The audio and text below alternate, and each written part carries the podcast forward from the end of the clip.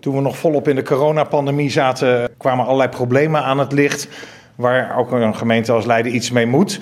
Nou, dat is toen opgepakt. Nou, corona is nog niet helemaal voorbij, maar een beetje onderdeel van het leven geworden.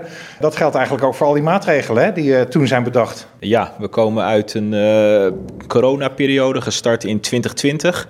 Vanaf 2021 zijn we een uh, programma gestart en dat heet uh, programma Social Impact. En binnen dat programma wilden wij de maatschappelijke, de sociaal-maatschappelijke en de economische gevolgen van de coronacrisis voorkomen.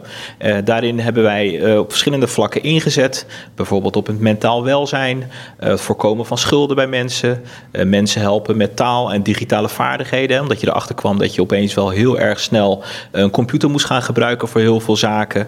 En dat hebben wij in dat programma opgepakt. We zitten nu in de eindfase en we rapporteren nu aan de gemeenteraad een voortgang, dus waar we met de verschillende programmalijnen staan. En is dat een positieve conclusie zo aan het eind van die periode? Ja, ik denk uh, als je de voortgangsrapportage leest, zijn we wel heel erg trots wat we daarin hebben gedaan. Uh, deels gefinancierd door het Rijk, maar ook voor een heel groot gedeelte vanuit de gemeente Leiden. Wij geven daar nu dus een stand van zaken. En als ik nu zie al hoeveel van die onderdelen geborgd zijn in de organisatie zelf. Bijvoorbeeld zo'n programma om schulden bij jongeren te voorkomen. vroegsignalering, dus dat betekent dat we proberen jongeren als ze zo snel mogelijk schulden oplopen direct te benaderen. Uh, we hebben nu een cijfer dat we 47% van de jongeren die we benaderen ook een traject mee opstarten.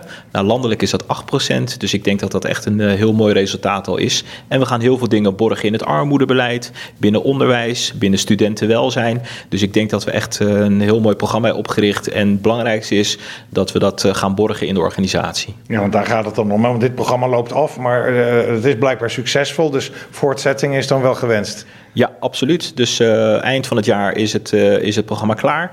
En dan gaan wij dus zorgen dat wij een evaluatie gaan schrijven in het eerste kwartaal van 2024. En dan laten we ook precies zien uh, hoe de verschillende onderdelen terugkomen in het reguliere programma van de gemeente Leiden.